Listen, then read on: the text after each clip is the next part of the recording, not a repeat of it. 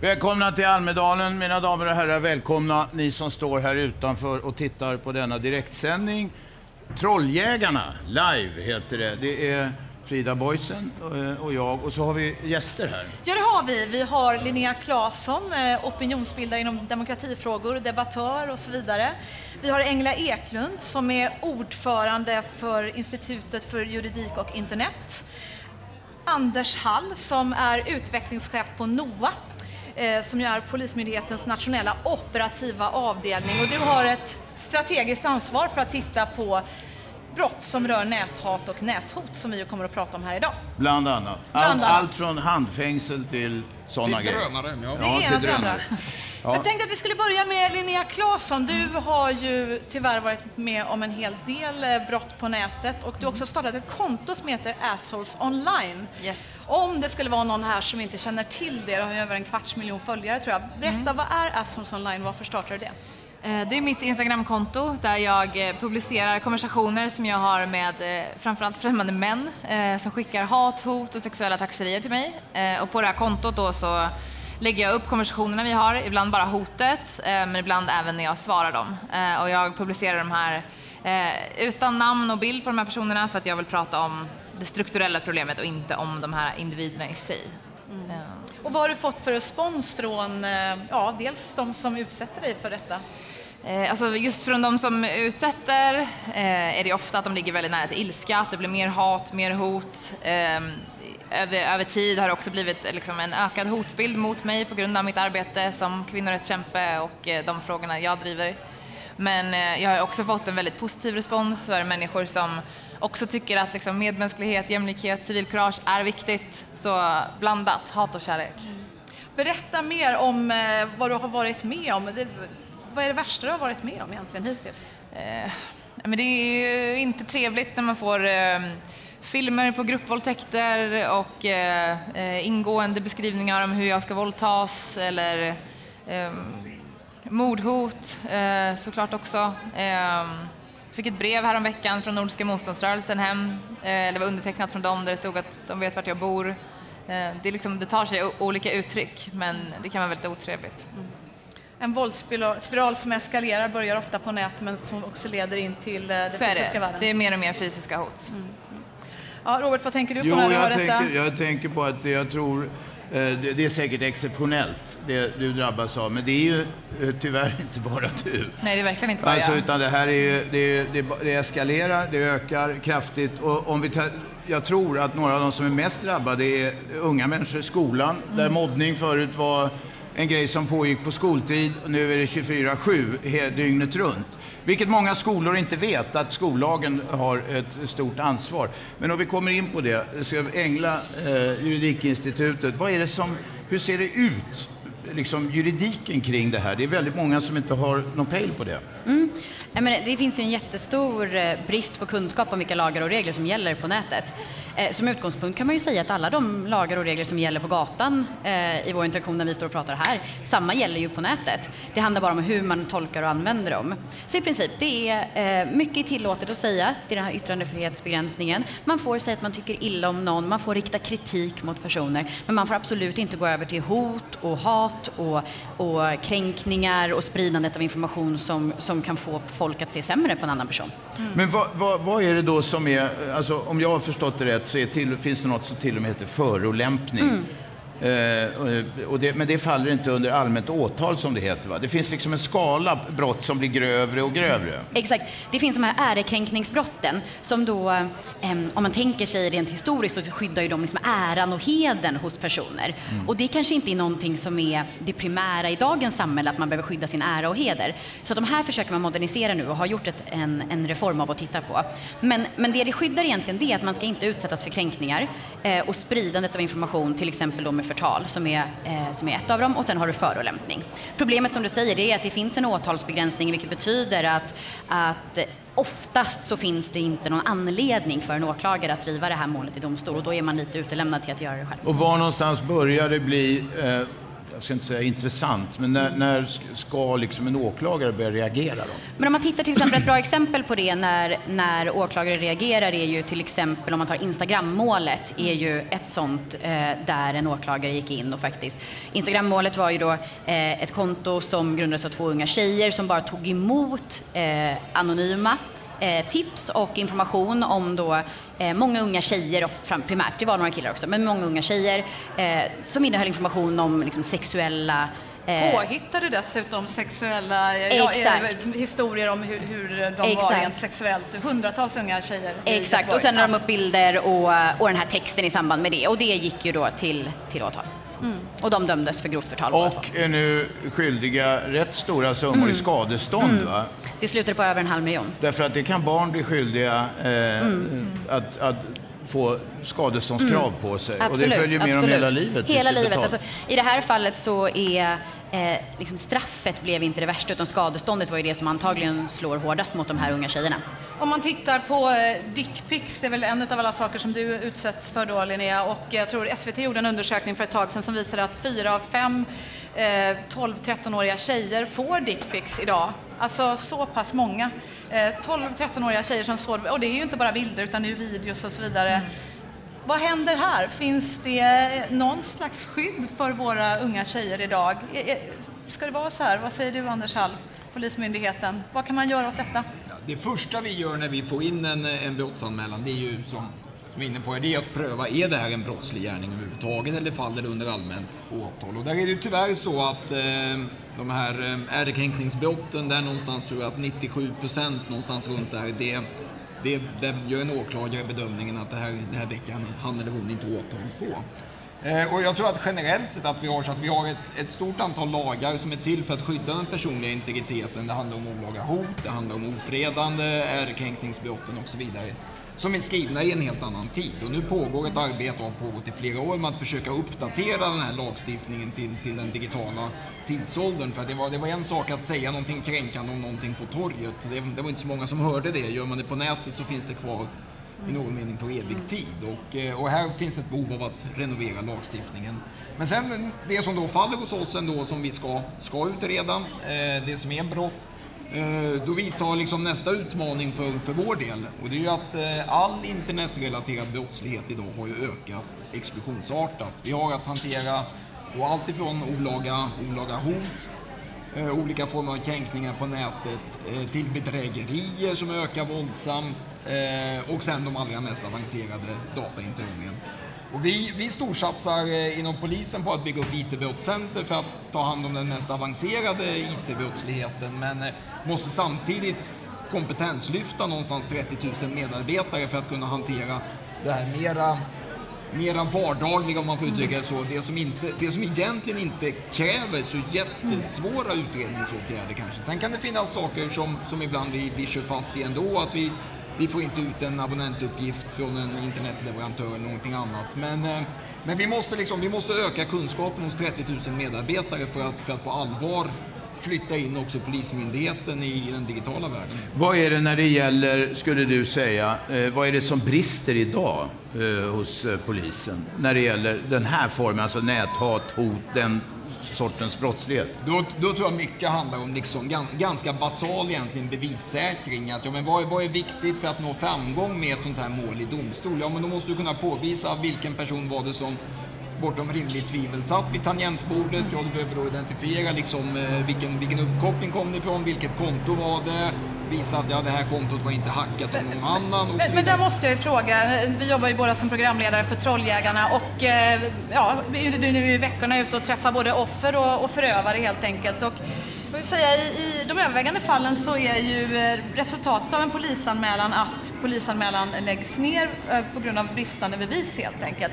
Men när vi kommer ut och träffar de här människorna, ja då kan det finnas alltså, sådana här högar med kränkningar, hot, hot mot barn, allt Med möjligt. lätt identifierade gärningsmän Precis, och utan att det. ha någon slags poliskompetens så, så är det ju inte svårt för, för oss att leta upp de här personerna, knacka på och säga ursäkta men varför har du skrivit så här? Vi har så här mycket bevis framför oss. Nej, och så är det ju att alltså det, som, det som är ändå en hyggligt basal bevissäkring, eh, där, må, där måste vi bli mycket bättre generellt. Och vad det, krävs det, här, det här är då? sånt, det här är sånt, ja men vi måste höja som sagt kompetensen hos, hos 30 000 Är det kompetens eller är det resurser som krävs? Det är ju liksom... frå- Fråga en polis om man behöver mer resurser. Ja, jo, givetvis. Jag frågar vilken politiker som helst där, alla vill ha mer De poliser. också att vi, så att visst, det är me- mera resurser underlättar alltid, men, men vi, måste ju, vi måste ju kompetenshöja de utredare vi har idag. Och om, om många en gång genomgick sin utbildning och är van vid att förundersökningsleda i en, i en analog miljö, eh, då ställer det lite andra krav. Vi jobbar jättehårt på att säga det att tro inte att bara för att det här är liksom ett internetbrott att det där med nej men det här kommer inte gå att utreda, nu, liksom, nu lägger vi ner det här. Utan det går visst att utreda, men, men, men det finns en del tricks då som man Jag skulle måste säga att i, om man kan de tricksen så är det kanske lättare för du kan sitta vid en dator och komma ända fram till att du kan gå hem och, och eh, eh, vad man nu gör när man ska lagföra någon. Alltså du åka och hämta dem eller vad det nu kan vara frågan om. Ja, det är mindre pensla fingeravtryck och... Ja, eh, eh, det är mindre, digital bevissäkring. mindre fysiskt arbete ute på fältet skulle jag säga än om ni skulle då, kanske mot förmodan får man säga, jaga några inbrottstjuvar. Linnea, hur många gånger har du polisanmält de brott du har utsatts för på nätet? Alltså jag har polisanmält en del eh, och jag fick ju faktiskt eh, här om veckorna bara eh, en av mina förövare dömda för olaga hot och sexuellt ofredande eh, för ett mejl som han skickade. Eh, men, eh, och eh, jag ser väl lite blandat på det. Jag tycker att på ett sätt att det är väldigt positivt att det finns en dom, vilket innebär liksom att det i alla fall kan vara typ semiprejudicerande, att det går att utreda. Jag kommer inte från något stort mediehus, jag kommer inte från något företag, utan jag själv har anmält och drivit igenom det här. Eh, vilket jag tycker är väldigt positivt. Men jag kan också tänka mig att anledningen att mitt brott, liksom, som jag anmälde, inte lades ner efter eh, en vecka eh, också säkert handlar om att jag är demokratisk opinionsbildare, jag har den plattformen jag har, eh, polisen vet det och eh, dessutom så är jag, liksom, har en juristutbildning i grunden eh, och därmed vet mina rättigheter, vet vad jag kan säga, hur jag kan lä- lägga fram det. Jag vill inte ha ett brev om en vecka där det står att det här uppenbarligen inte kan utredas för att det uppenbarligen kanske kan utredas. Eh, och det tycker jag är problematiskt, just att man gör ändå skillnad då på människa och människa och det tycker jag är jävligt orättvist, inte bara för att jag och andra aktivister, eh, men även privatpersoner då, hamnar, står ganska ensamma. Eh, och det tycker jag är väldigt problematiskt. Och det handlar ju om prioriteringar, resurser, men också typ, vad man tycker är viktigt. Och jag tycker det är viktigt att prioritera nätbrott, för det är där väldigt, väldigt många unga utsätts. Och det är där som är liksom en, en otrygg zon för våra barn och våra unga. Så jag tycker det verkligen ska upp på agendan. Det är ju barn som utsätts och det är ju också politiker som utsätts. Ja, 20 procent eh, av eh, kommentarerna. Det, här är, det gjordes en undersökning ganska nyligen av eh, FOI, alltså Försvarets forskningsanstalt som det hette förut, på uppdrag av Sveriges kommuner och landsting. 20 procent av de kommunstyrelseordförandena som de tittade på, på deras mejl, de gick igenom 4,8 miljoner kommentarer. 20 procent av dem var kränkande. I, eh, så att det här är, eh, apropå att vi är nu i Almedalen och så, så det, det, är, eh, det blir ett större problem. Journalistförbundet, tidningsutgivarna har gjort eh, var för sig olika utredningar som visar att en del journalister nu undviker vissa ämnen eh, därför att de vet att det blir skitstormar vad de än, eh, vad de än gör. Och då börjar det bli ett demokratiskt problem. Ville du? Ja, jag skulle gärna vilja haka på det faktiskt. Därför att det, alltså vi ser ju det att polisen måste i mycket större utsträckning flytta in i, i den digitala världen också. Vi måste hantera brott där på samma sätt som vi hanterar brott i den, i den fysiska, eller ännu bättre. Eh, men jag tyckte att du inledningsvis var inne på något viktigt också, att vad det gäller liksom överhuvudtaget eh, attityder, samtalsklimat, någonstans debattklimat, så är det ju inte bara det är inte bara juridik och domstolar det handlar om, Nej, utan liksom väldigt många har ett ansvar också för att, ja men, för guds skull, håll en samtalsnivå liksom i ett hyfsat skick. Va? Liksom vi försöker uppträda civiliserat ändå. Det startar väl redan i skolan naturligtvis. Att eh, acceptera inte beteenden som är liksom kränkande och mobbing och så vidare. Och sen finns det många andra, både, både ägare till, till olika debattforum och, och sånt som också kanske skulle kunna flytta fram sina positioner för att ha ett hyggligare samtalsklimat. Mm. Nu är du helt enkelt inne på ansvarsfrågan. Vem är det som ska ta ansvar för den här allvarliga samhällsproblematiken som det ju faktiskt är med näthat och näthot? Det är ju ett demokratiproblem. Är det föräldrars ansvar? Det är mycket barn som näthatar, också vuxna förstås. Är det skolans, polisens, eh, myndigheternas? Vad säger ni som är här? Alltså jag är en förespråkare för medmänsklighet och civilkurage, så jag tycker att det är alla människors ansvar, absolut. Eh, men det är såklart att makthavarna har ett ytterligare ansvar och personer med stora plattformar att kunna påverka. Det tycker jag verkligen. Eh, men jag tror att det måste komma liksom både uppifrån men även underifrån, eh, skola, föräldrar, barn, eh, uppfostran. Men någonting som jag tycker just när det kommer till ansvar är just också problematiken med att skicka runt ansvaret. Eh, vissa säger så här, polisen gör inte tillräckligt, polisen säger att politikerna inte ger oss tillräckligt med information. Eh, när man pratar med sociala mediekanaler kan de säga att eh, att det är liksom inte polisen som gör tillräckligt och polisen säger att sociala mediekanalerna ska ta större ansvar. Det tycker jag är väldigt problematiskt istället för att alla säger att okej, okay, vi kanske inte gör vår del. Och att det också måste finnas ett större samband då, för att jag vet att eh, i många fall så säger polisen till unga att det inte går att eh, få ut den här informationen från Facebook om den är borttagen. Eh, Medan Facebook säger att det är bara att polisen skickar en preservation order. Eh, och att det här glappet med det digitala, det får inte ske så. Eller att man liksom på ett lättare sätt ska kunna begära ut eh, dokumentation från liksom andra myndigheter i andra olika länder. Man måste ha domstolsbeslut om man ska ha något från Hotmail för att domstolen är i USA. Alltså det tar så jävla tid. Eh, och eh, allt det måste liksom gå snabbare och vara smidigare. Alltså jag, att du vill komma in här. Vill du komplettera någonting med hur juridiken hänger med i detta? Ja, men, äh, juridiken just nu utmanas väldigt mycket av de här ansvarsfrågorna. Vi har ju den naturliga ansvarsplaceringen på de personerna som, som faktiskt skriver det brottsliga materialet. De har ju ett, ett lagstiftat liksom, eh, ansvar för att de begår ett brott på nätet. Men sen så finns det ju faktiskt en ansvar för de som är mellanhänder. Det finns ett juridiskt ansvar för de som tillhandahåller plattformar. Det finns för de som modererar grupper där hat sprids. Det finns ett ansvar för föräldrar vars barn begår brott, i alla fall ett skadeståndsrättsligt ansvar. Och eh, alla de här ansvarsfrågorna liksom, regleras ju delvis, men såklart med den här liksom, digitala utvecklingen som går så fort så utmanas vi verkligen, särskilt kring liksom, mellanhandsansvaret. Vilket ansvar har Facebook? Vilket ansvar har Twitter för det som, som sprids Och där? vilket ansvar tycker du att de har då? Men jag tycker att de har, de har ett ansvar. Det är uppenbart med den utveckling vi har att de behöver ta ett större ansvar. Huruvida det ansvaret ska komma utifrån en självreglerande håll eller om det ska komma från lagstiftning, det är däremot inte klart. För att det är väldigt svårt att lagstifta eh, stora kommersiella aktörer om man börjar gränsa in på att man ska lagstifta om moral. Att de ska göra moraliska ställningstaganden som inte är baserade på de lagar som gäller. Och sen får vi inte glömma att det här är globala plattformar. Så det är inte bara så enkelt som att säga att svensk lag säger och sen så tillämpar den över hela världen. Mm. Anders, du sa ju att du tyckte att lagstiftningen sprang efter lite här inledningsvis. Vad är det du skulle behöva för ny lagstiftning som skulle underlätta ditt jobb och dina kollegors jobb i polisväsendet? Ja, i eh, en väldigt konkret fråga, det är ju det som, eh, som debatteras under det här med datalagring. Alltså eh, i vilken utsträckning lagras abonnentuppgifter, uppkopplingsuppgifter och så vidare för att kunna säkerställa vilken plattform har varit uppkopplad var och när.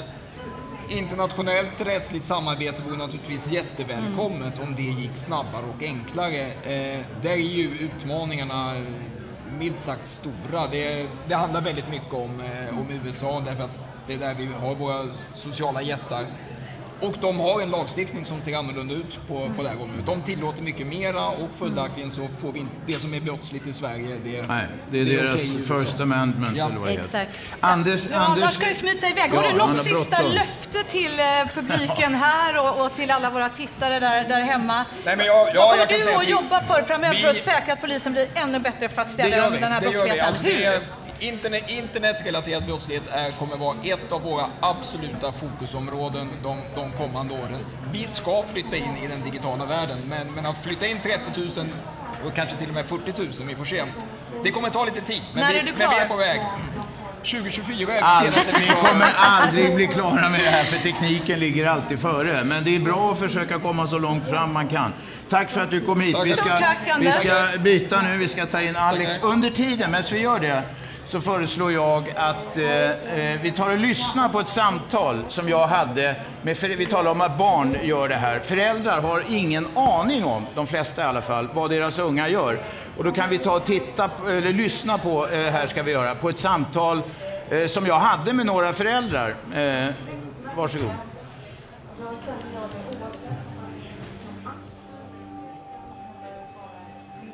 Många av de som har trakasserat Saga är minderåriga och vi konfronterar inte minderåriga i det här programmet. Men nu tänker jag ringa till några av deras föräldrar.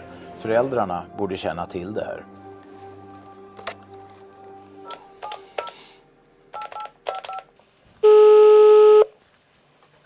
Ja, Hej, jag heter Robert Aschberg och jag jobbar med ett program som heter Trolljägarna som går på TV3. Vi gör ett inslag om en deltagare i det här programmet Paradise Hotel. Hon heter Saga Skott. Okej. Och signaturen har skrivit följande och jag citerar. Saga, din lilla fitta, hur orkar du ens hålla på? Vad fan tänker du med att du inte fattar att du är så blåst? Oj. Det var stark Ja, tobak. det- är min yngsta son som har skrivit det där. Ja, Ja, det låter inte bra om man sitter och skriver sådär. Nej. Det var väl det dummaste jag har hört han har gjort i så fall. Då får vi ta och snacka med rejält. Jag tänkte att det kan vara bra att veta. Absolut, det är, jag tycker det var bra att, att om, om du söker sånt och hittar sådana grejer så absolut ska du ta det med honom. Absolut. Jättebra, tack så du ha. Ja, tack själv du. Äckliga jävel, hur fan du utnyttjar Christian och börjar lipa hela tiden, äckliga jävel. Det är din son. Hur vet du att det är min son? Eller jag vet inte. Jag Jo, det vet, det vet vi. Det in... Han tittar i alla fall inte på Paradise Hotel för vi gör inte Han har inte trean på sin TV. Nej, men det går att titta på nätet, vet du. Ja. Ja, man försöker prata med sina barn om vad de gör på nätet och sådär och man försöker kolla dem men det är inte allt man kan ha koll på. Nej, jag förstår det. Du förtjänar att bli slagen av en stol i ansiktet. På riktigt. Dra åt helvete alltså. Gå och häng dig, Saga Skott. Du är en riktigt grotesk och genomrutten person. Du kan vara bland de äckligaste jag skådat någonsin i tv-rutan. Okej. Hur reagerar du på det? Ja, det var ju inget positivt i alla fall. Saga, läs allt hat. Ta livet av dig. Du har förstört ditt liv genom Paradise. Från signaturen och det är din son. Gud, det är min son. Mm. Du skojar. Nej, jag skojar faktiskt inte. Jag är helt chockad faktiskt. Det här kommer jag ta med henne omgående. Jag tror inte det är om sin egen son men alltså, det var riktigt illa. Ja, jag tycker det är för jävligt. Jättebra att du ringde om det. Ah, Gud. Ja, Tack så jättemycket. ja det var inget. Tack så du ha. Hej. Hej. Ja, det var väl... Det var slut där, va? Ja, det var det. Det där var, eh, det var ingen vetenskaplig undersökning direkt, men det, det, det visar, tror jag, eh, hur mycket föräldrar, eller hur lite de egentligen vet om eh, vad ungarna gör. Nu har vi fått eh, sällskap av... Eh, Alex här från Alex. Tjafs. Du är programledare för Tjafs på Via Free. Eh, jag vet att du också förstås då, tyvärr säger jag förstås, blir utsatt för en hel del näthat och näthot och dina gäster också. Vad, vad säger du, är, är det vanligt att det är barn som, som skriver de här sakerna eller är det ovanligt? Vad säger du? Det, alltså de flesta som skriver så är barn, alltså 13, 14, någonstans där. Och jag tycker att vi måste lägga ansvar på föräldrar. För att det känns som att man köper iPhone, man köper iPad, men man lär inte barnen, alltså man förbereder inte dem hur man ska använda det. Förstår du? Ingen bryr sig, alltså det är så här, här tar det och sen vi ignorerar dig. Men egentligen man måste berätta för barnen, det går inte, du kan inte skriva något sånt. Du kan inte ens tänka så. Alltså det, man måste lära dem medkänsla redan från alltså, ung ålder. Tycker jag. vi, talar, vi talar om, alltså vad finns det för ansvar där, Engla? Eh, har föräldrarna något ansvar för vad ungarna gör? Men så man har ju ett föräldraansvar över sitt barn. Eh, det har man. Och sen så har man ju då, som vi nämnde lite innan, man har ett, ett skadeståndsrättsligt ansvar för det brott som en barn begår. Men sen så finns det ju också det moraliska ansvaret, för man har ju det juridiska men också det moraliska ansvaret och där tycker jag att man, man kan göra mer. Och går man in på det juridiska där så tycker jag precis som när man lär barnen enkel juridik från att de är små, vilket man gör, för man lär barn att inte slåss, man lär folk, barn att inte stjäla, man lär barn all den här juridiken som är juridik från att de är pyttesmå. Samma sak kan vi börja göra med nätet. Det här får man säga, det här får man inte säga, det här är hur man använder det. Vi känner ju till den här Instagram-rättegången som du var inne på, Mm. där då barn blev, fick, blev dömda till väldigt höga skadeståndsbelopp.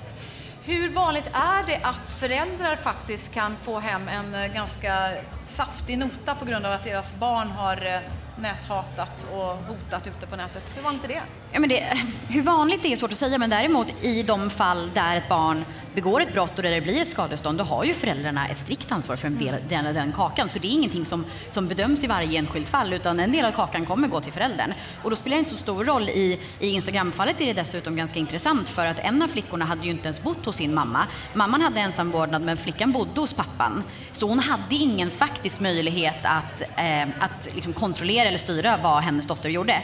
Det spelar ingen roll, det gick ändå till mamman. Intressant. Ja, hur många föräldrar här har koll på vad era barn eh, gör på nätet? Upp med en hand. Okej, jag ställer den andra frågan. Finns det några föräldrar här? Upp med en hand.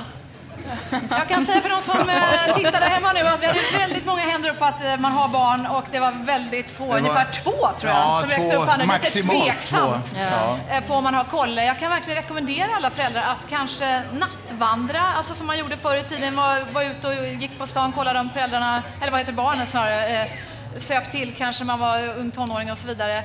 Var ute på nätet idag, var är ni? Jag har själv ringt till föräldrar och berättat vad deras barn har gjort på, på nätet och sagt och så vidare. Jag får också den här reaktionen som du fick Robban.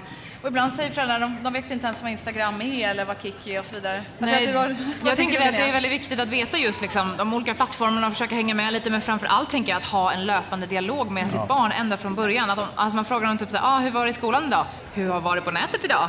Eh, och liksom inte nöja sig med bara så här, eh, bra, jag går till mitt rum.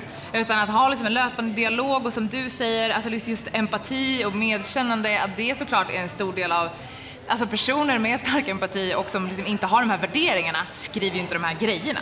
Utan det handlar ju såklart om uppfostran från grunden men också inte bara liksom, eh, snoka i barnens internetliv utan ha en löpande dialog, eh, prata med dem och guida eh, och också våga liksom, säga ifrån men också ställa obekväma frågor. Alltså fråga dem så här, ah, men hur är det med näthat? Har du blivit utsatt? Har du utsatt någon? Eh, är det någon i din klass som blir utsatt? Liksom, gå in den vägen och liksom gå rakt på sak. Vad kallar ni varandra? Kallar ni varandra för jävla bög eller jävla hora eller rasistiska grejer? Alltså bara vara så här straight forward istället för att vara lite så här, hur är det på, på nätet? Är det någon som är taskig? Det kanske inte riktigt räcker. Hur är det på det där internet? Ja, precis. Och vara där och titta tillsammans. Kanske kolla vad har du i flödet, liksom se. Var där, Ja, men se vad det precis, är för man kanske kan vara lite nyfiken och fråga ibland, men det finns ju också liksom såklart en integritet Ja. som, Ja. som är viktig mellan Ja. barn och föräldrar, Ja. som man ska respektera. Eh, Men som be dem visa. Vad Ja, gör men- du? Kan du visa? Ja men precis. Fråga. Ja men precis. Och vill de inte visa, då tycker jag att man ska respektera det, Mm. men då snarare ha en dialog om hur de har det, hur man beter, beter sig, hur deras vänner beter sig, vad de har sett, vad de har känt Jag tycker löpande. man ska respektera det. Vad sa du? Varför ska man respektera det för? Respektera? Om du har en 13-åring Ja. och han, han eller hon vägrar visa dig mobilen, varför ska du acceptera det för?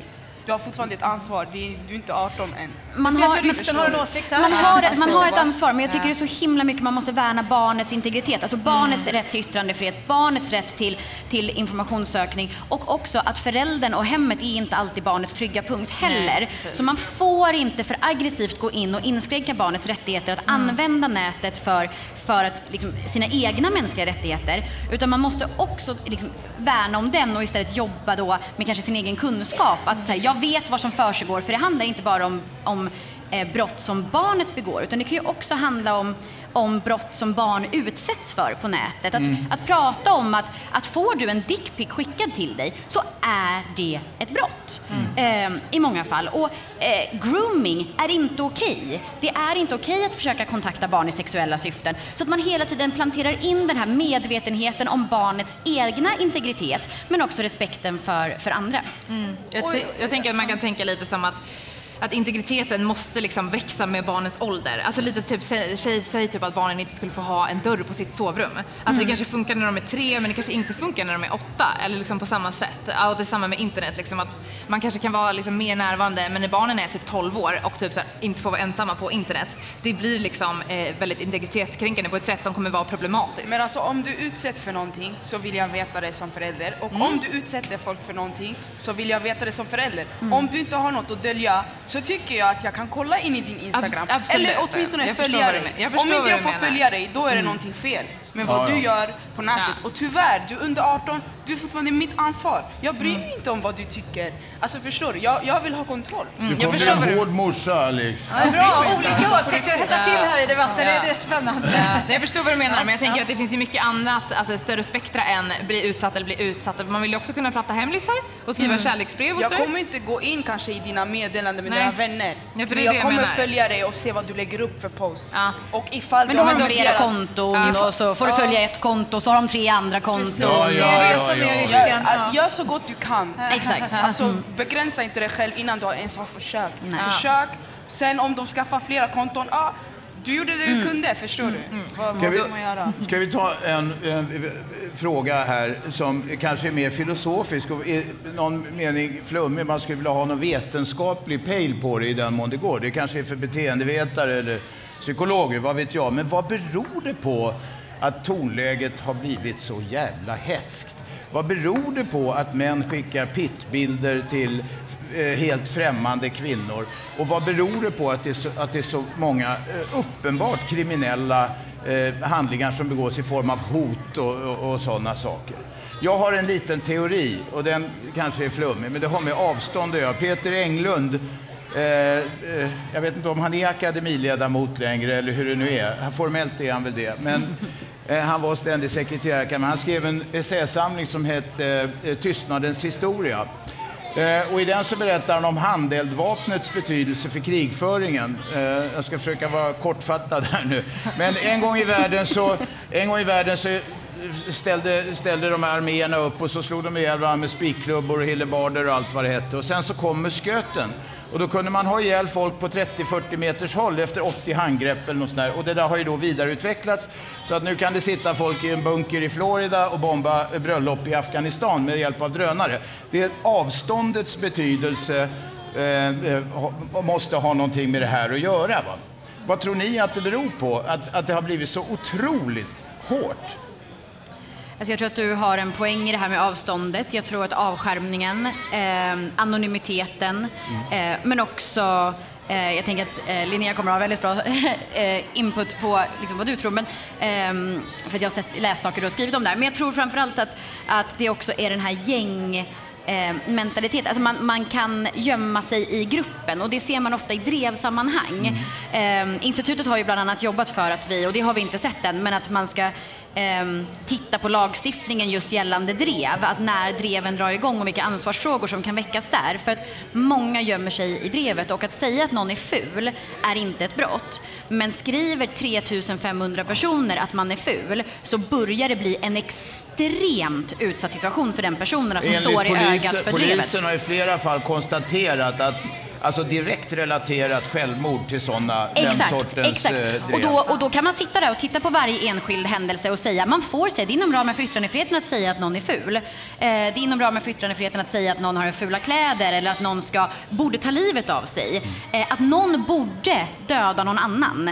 Eh, har vi ju sett liksom, flera exempel på. Att någon borde ta ihjäl en, en journalist och så vidare. Så att eh, allt sånt där tycker jag är... Men är inte det eh, ett bevis, tycker jag i alla fall, på att lagstiftningen är lite trubbig? Absolut. När alla näthatare lärt sig att bara jag skriver att någon borde ta livet Exakt. av, då kommer jag undan. För det är ju bara ett förslag. Det är Ja, liksom men bara det, här är ju, det, det här går ju lite liksom utanför den frågan som, som Robert ställde. Men, men om man tittar liksom på, på eh, Irena Posarv-målet där, där man kommer undan hela grejen. Det står uttryckligen för vem som helst som läser det att man borde våldta Irena med en kniv. Men det säger man inte, för man säger sådana som Irena borde våldtas med en kniv. Man säger att man borde slå ihjäl sexistiska feminister med baseballträ. Man säger att sexistiska feminister borde våldtas med knivar. Allt det här gör att du kringgår helt och lägger dig utanför olaga hot. Men det var också så få kommentarer att det inte heller gjorde ut ofredande, så att han blev ju friad. Så att, ehm, vi, vi befinner oss i en, i en utveckling av lagstiftningen där det finns stora luckor, men där det också finns en, en ovillighet hos domstolarna att ha en lite modernare syn på tolkningar och tillämpningar av de brott som Du faktiskt menar att finns. de i gällande lagstiftning skulle kunna eh, Ja. döma eh, även när man försöker gå runt det på det sätt som du beskrev? Ja, alltså vi hjälper ju Irena med det här. Så att, eh, eh, det som man kan säga är att antingen så är det så att de hade den möjligheten Och då kan de döma för ofredande. Kan de inte göra det, då är det ställningstagande Sverige har gjort. Och då måste man istället titta på, då tycker jag att vi kan fälla Sverige eh, av EU, för då skyddar vi inte mänskliga rättigheter på ett, på ett tillräckligt bra sätt. Så då ska istället Sverige ha kritik för att vi har en otillräcklig lagstiftning för att skydda eh, Irenas, i det här fallet, så, mänskliga rättigheter. Så att, Och det är ett fall ni driver nu mot svenska staten helt enkelt? Ja, vi, håller, vi är i startfasen. Vi har ju precis fått nej av JK eh, så att inte Irena kan få ett skadestånd och det är första steget. Så. Och sen kommer ni driva det vidare då ända till Europadomstolen? Ja, förhoppningen är det. Ja. Jag tänker på just, vi var inne på hur, hur vanligt det här är, är att det drabbar skolbarn, den här brottsligheten. Eh, hur jobbar skolorna med det här, med det här eh, arbetet? Har ni någon insikt i det? Jag har en bekant som nyligen, en 12-13-årig dotter som eh, blev utsatt för, för grooming. Pratar om hur många självmord det här har orsakat bland unga tjejer. Det är fruktansvärt förstås. Eh, där, där hanterar man på det på här, den här skolan att man samlade in alla närmaste kompisarna och den här tjejen berättade för alla sina närmaste kompisar eftersom hotet ju ofta är riktat. Att om inte du eh, håller truten om det här då kommer jag att lägga ut alla de här bilderna som redan finns på dig, nakenbilder och så vidare, till alla dina kompisar. Ingen kommer älska dig mer, ingen kommer vilja vara med dig, alla kommer tycka att du är en hora. Eh, den här skolan hanterade det väldigt bra, blev som en mellanhand mellan, liksom fick samman eh, föräldrar till de andra barnen och så vidare, förklarade hela problematiken. Men här kanske handlar om tur, tänker jag. Ja, Har verkligen s- alla lärare, rektorer och föräldrar koll på hur man hanterar sådana här frågor kring grooming? Vad, vad är er erfarenhet kring det? Säger du Engla eller Linnea? Ja, men, eh, eh, förlåt. Nej, men, eh, men det, delvis kan man ju säga att, att eh, det, finns ju ett, ett skolansvar som många skolor är dåliga på att ta. Delvis är det ju att om man tänker sig alla situationer där man har sagt så här, men du utsätts för det här och du vet att det är den här, till exempel pojken då, då sätter vi oss i ett rum och så pratar vi om det här med läraren. Det, redan där har man, har man begått ett fel. Det ska liksom hela vägen upp till ledningen, det ska utredas och det ska leda till att, att kränkningarna upphör. Ja, men det, här, det är skollagen som, Ja, som här har vi skollagen. Långtgående ansvar till skolorna. va? Det gör de och det är, de behöver inte ens ta ställning till om kränkningen är ett brott enligt svensk lag. De behöver ta ställning till om det är en kränkning, punkt. Och kränkning i skollagen är så mycket mer än bara, det är en känsla hos en person eller en uppfattning hos andra personer om en annan person, att den personen är kränkt. Och sen gäller det dessutom inte bara skoltid, va? utan är det relaterat till skolan så gäller Så det. även nätet åker in där. Robban, jag vet att du gjorde ett program för Trolljägarna för eh, ett par år sedan där du ju redde ut just detta. Ja, vi talade med en skolledare som inte hade en aning om det här. Och en rektor, där, men vi har delegerat det på rektor och eh, eh, eh, det var en liten kille som var eh, riktigt eh, taskigt behandlad av andra elever på skolan. De hade ingen aning, han visste inte att de är tvungna att anmäla det här uppåt och tvungna att vidta åtgärder. Och det tror jag tyvärr är väldigt vanligt på skolor. Eh, Det är det. Vad kan man göra då? Vad kan man göra? Sen man drabbas av det här eller man har någon som eh, närstående, barn, föräldrar, vad som helst. Det är, jag talar väldigt mycket om barn här. Det är ju tyvärr så att det är väldigt många ända upp i min ålder som håller på med sån här skit. Eh, vad kan man göra? Linnea, du, du, du hänger ut dem. Äh, inte du anonymt så vidarebefordrar du vad, vad, vad folk gör. Det är ett sätt. Det stämmer. Det, Men det är som du, mera det känns som du hade några tankar. Vad skulle du säga? Alltså jag känner så här, tystnad dödar. Så vi ska försöka alltså, prata om det. För ibland känns det som att det finns, alltså man får en typ skam över sig. För att nu ska en bild läckas på mig. Jag, jag vet personligen en tjej som sa till mig, ja men jag, jag tänkte dumpa den där killen och nu tänker han visa den här till hela, alltså vad fan ska jag göra? Vet. Och, och, och hon kunde inte prata med hennes föräldrar om det. För det är så här, hur kunde du ens ta en sån bild från första början? Förstår Ja, du? ja. Så det blir en sån där grej, okej är hellre tyst, vi får se vart det går. Men man mår dåligt ju, alltså under tiden man väntar på resultat.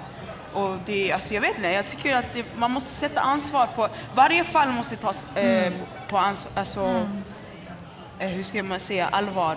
Varje fall. Även, även om man har fel så får man ha fel i efterhand. Men att vi går upp till ledningen så som du säger, all the way. Sen om man har fel, man har fel, men hellre så än tvärtom. Som du säger, skuldbelägg inte. Ja, det finns en skam alltså. Det finns en otrolig skam. Och den rider ju de. De utnyttjar ju det såklart Exakt. eh, eh, så långt det går. Exakt. Föräldrar frågar ju hur gick det i skolan, men man vågar inte säga. För det, att, att jag ens skickade den där bilden är ju helt otroligt. Hur ska jag förklara den här bilden till min mamma? Omöjligt. Vad gör man åt de här tomtarna som eh, vi har haft något sånt fall i Trolljägarna? En kille som sitter och bara 10 000 inlägg på en massa olika sajter. grovt rasistiska och hot och sådär. Så att det var det enda han gjorde. Satt i källaren hemma hos mamma och pappa. Han borde varit ute och haft ett jobb. Eh, eh, eller någonting. Va? Eh, hur, gör man, hur gör man för att komma åt dem? Därför att vi kan ta upp något i, i, i något program och sådär, men det, det, är ju, det är ju inte ens eh, ett strå till stacken. Alltså för mig, jag försöker ofta rikta mig mot Alltså, jag pratar till liksom, folket i helhet. Jag pratar inte bara med typ, tre tomtar i en källare. Liksom. Utan jag tycker det är viktigt att vi visar civilkurage stort. Vi hänger inte med på de här dreven.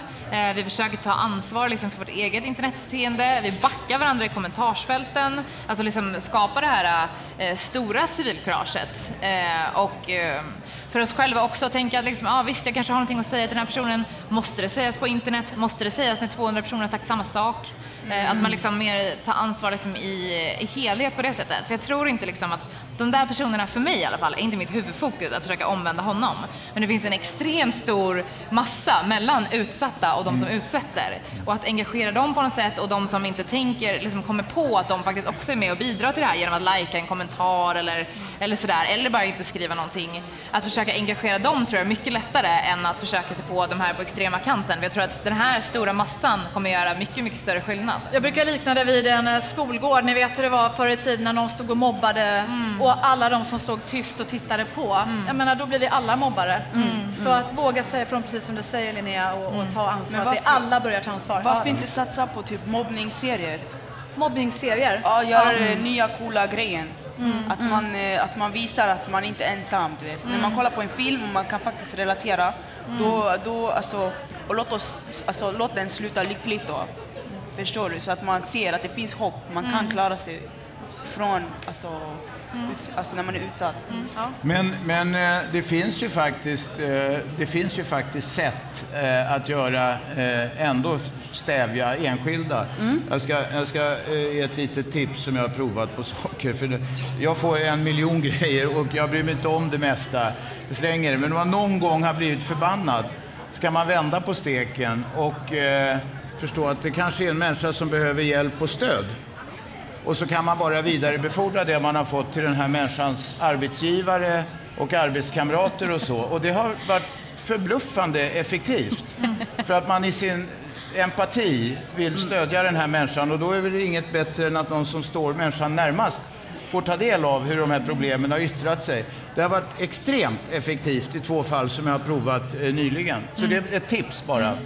Ja, alltså det, det väldigt effektivt. Det är, ju, det är ju väldigt effektivt och man ser ju att fler använder den metoden att man ska, eh, det får bara vara i förhållande till eh, man ska inte glömma att även, vi pratade lite om det innan här, att, att eh, spridandet av att någon annan utsätter folk för brott eller spridandet av att information om att en person mm. utsätter människor för brott eller är en brottsling, eh, det är ju också ett brott. Ja, så att i många fall, man liksom. flörtar väldigt nära förtalsbrottet mm. och i många fall så kan man se att det brottet som personen blev utsatt för själv i första början, eh, det går inte att utreda eller det går mm. inte att styrka. Om vi kollar på metoo till exempel, det går inte att, mm. att styrka eh, huvudbrottet. Men däremot så är det mycket lättare i vissa fall att bevisa att ja, men sen spred du den här informationen och då sätter vi dit dig för förtal. Så det blir liksom dubbelbestraffning eh, av de personerna ibland. Och framförallt när man, när man liksom tittar på barn mm. så ska man vara försiktig just med eh, på vilket sätt. Linnea gör det ju på ett exemplariskt sätt att, att eh, just det här med att rikta sig till massan istället, att, att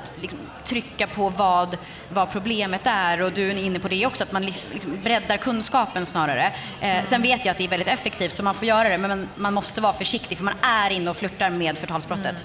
Mm. Ja, men om man nu vill hjälpa en människa i nöd så kanske ska man inte få göra det längre. Medmänsklighet är väl ändå inte göra någonting längre? Får, får man inte säga i det här jävla landet? Ja, ja. Får inte ens skämta längre. Ja. Ja, hörni, många intressanta ja. lösningar på den här eh, problematiken. Jag tror vår tid börjar lida mot sitt slut. Vi är ute och jagar troll för jämna nu, eh, Robert, eller hur? Ja, nästan i alla fall. Ja, precis. Så i höst kan ni eh, se mer av väggen. Trolljägarna och då kommer vi förstås att ställa de här personerna mot väggen och försöka hitta nya lösningar tillsammans med massa kloka ja. personer. Tack för att ni kom hit. Tack, tack publiken, ni som var här och lyssnade. Och tack ni som tittade. Tack.